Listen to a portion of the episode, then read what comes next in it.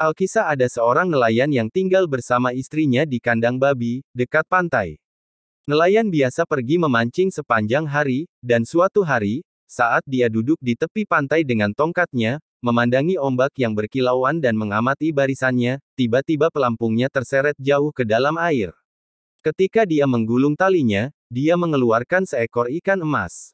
Tetapi ikan itu berkata, berdoalah agar aku hidup. Aku bukan ikan sungguhan. Aku adalah pangeran yang terpesona. Masukkan aku ke dalam air lagi, dan lepaskan aku. Oh, hai, kata pria itu. Anda tidak perlu berbicara lebih banyak tentang masalah ini. Saya tidak akan berurusan dengan ikan yang bisa berbicara, jadi berenanglah, Tuan, secepat yang Anda mau. Kemudian dia memasukkannya kembali ke dalam air, dan ikan itu melesat lurus ke bawah, dan meninggalkan seberkas darah panjang di belakangnya pada ombak.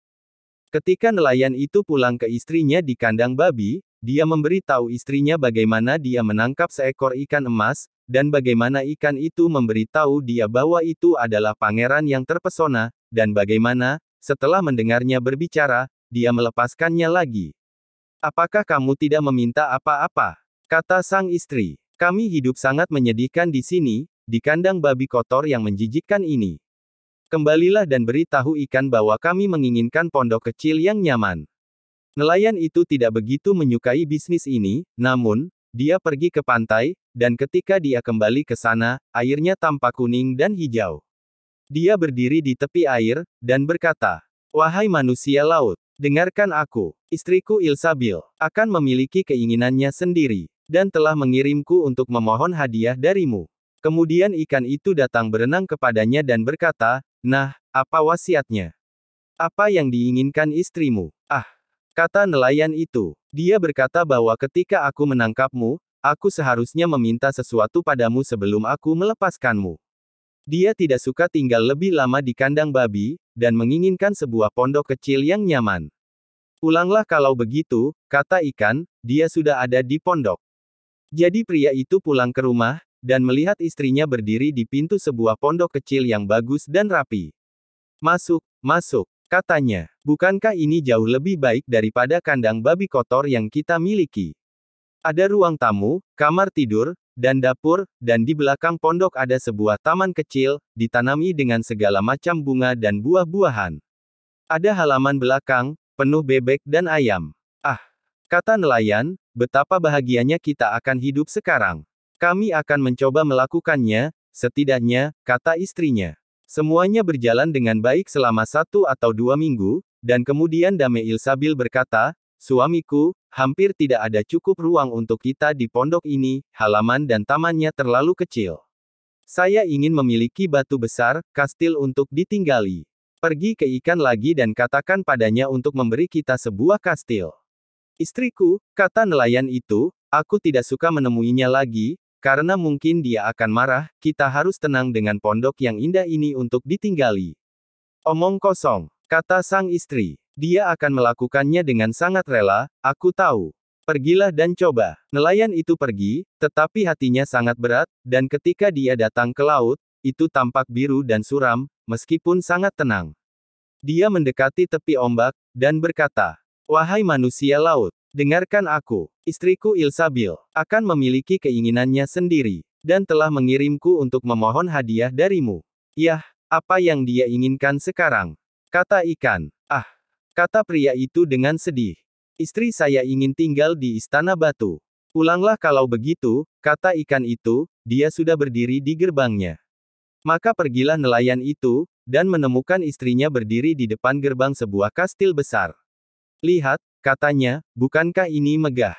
Dengan itu mereka pergi ke kastil bersama-sama, dan menemukan banyak sekali pelayan di sana, dan kamar-kamar semuanya dilengkapi dengan perabotan mewah, dan penuh dengan kursi dan meja emas. Di belakang kastil ada sebuah taman, dan di sekelilingnya ada taman sepanjang setengah mil, penuh dengan domba, kambing, kelinci, dan rusa, dan di halaman ada kandang dan rumah sapi. Baiklah, kata pria itu, sekarang kita akan hidup ceria dan bahagia di kastil yang indah ini selama sisa hidup kita. Mungkin kita bisa, kata sang istri, tapi mari kita tidur di atasnya, sebelum kita memutuskan untuk itu. Jadi mereka pergi tidur. Keesokan paginya ketika Dame Ilsabil terbangun, hari sudah siang bolong, dan dia berlari dengan sikunya kepada nelayan itu, dan berkata, Bangunlah, suami, dan jadilah dirimu sendiri, karena kita harus menjadi raja seluruh negeri. Petik 2. Istri, istri, kata pria itu, mengapa kita ingin menjadi raja? Saya tidak akan menjadi raja. Kalau begitu aku akan melakukannya, katanya. Tapi istri, kata nelayan itu, bagaimana kamu bisa menjadi raja? Ikan tidak bisa membuatmu menjadi raja. Suamiku, katanya, jangan katakan apa-apa lagi, tapi pergi dan coba. Aku akan menjadi raja. Jadi pria itu pergi dengan sedih karena berpikir bahwa istrinya ingin menjadi raja. Kali ini laut tampak berwarna abu-abu gelap, dan ditumbuhi ombak bergelombang dan bui-bui saat dia berteriak. Wahai manusia laut, dengarkan aku, istriku Ilsabil, akan memiliki keinginannya sendiri, dan telah mengirimku untuk memohon hadiah darimu.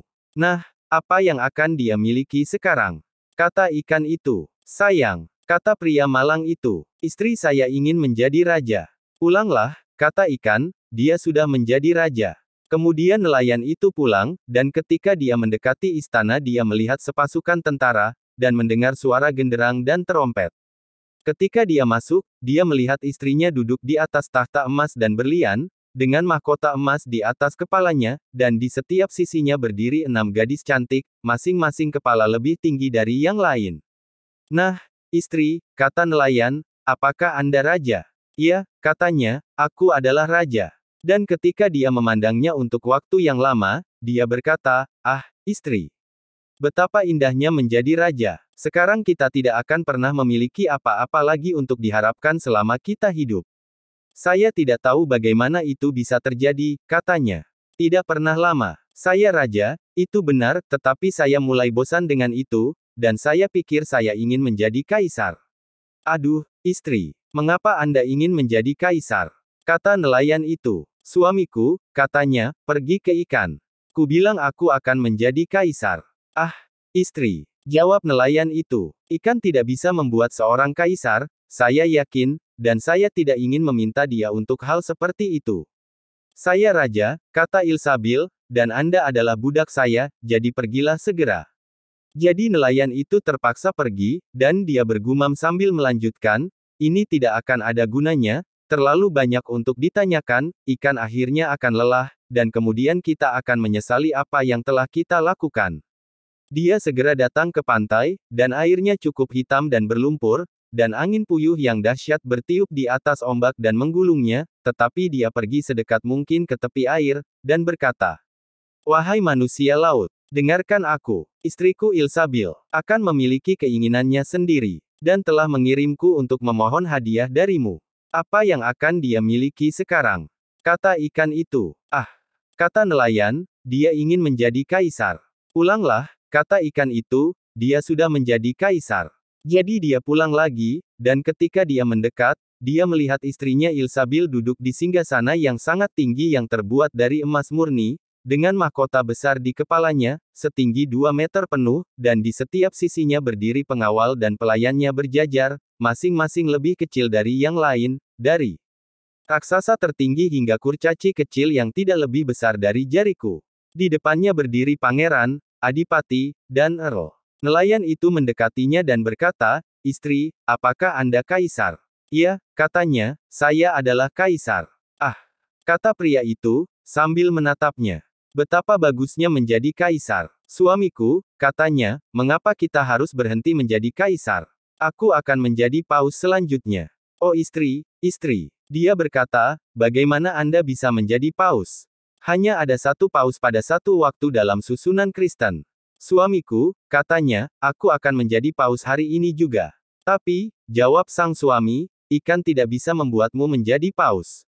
Omong kosong apa, katanya. Jika dia bisa menjadi kaisar, dia bisa menjadi paus pergi dan coba dia.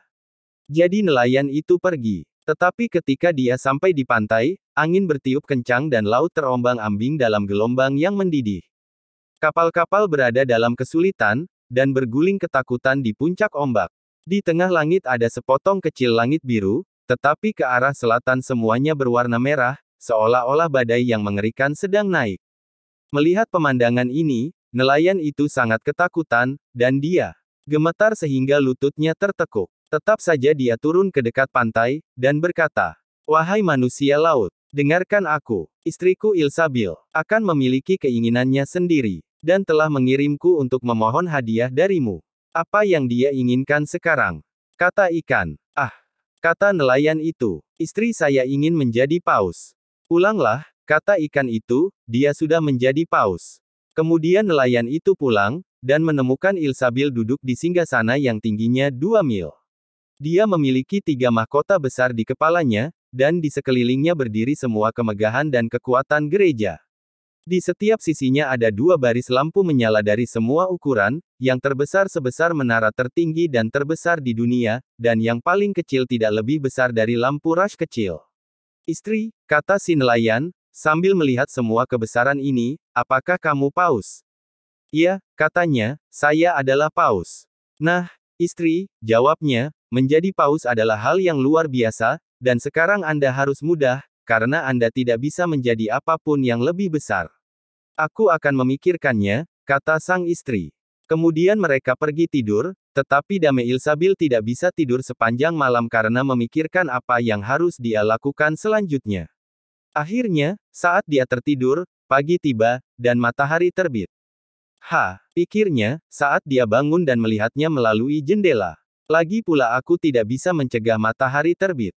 Pada pemikiran ini dia sangat marah, dan membangunkan suaminya, dan berkata, Suamiku, pergilah ke ikan dan katakan padanya aku harus menjadi penguasa matahari dan bulan. Nelayan itu setengah tertidur, tetapi pikiran itu sangat membuatnya takut sehingga dia mulai dan jatuh dari tempat tidur.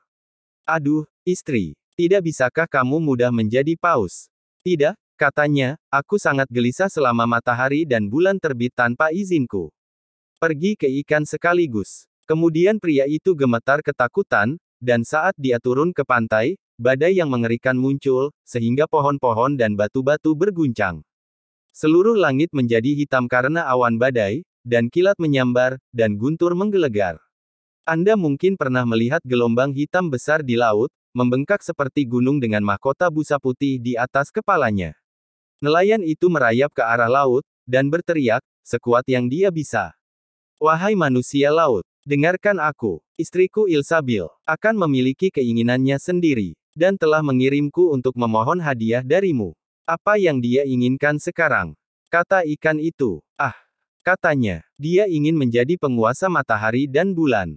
Pulanglah, kata ikan itu, ke kandang babimu lagi. Dan di sana mereka hidup sampai hari ini. Demikian kisah tentang ikan emas ini. Semoga menjadi kisah yang menyenangkan.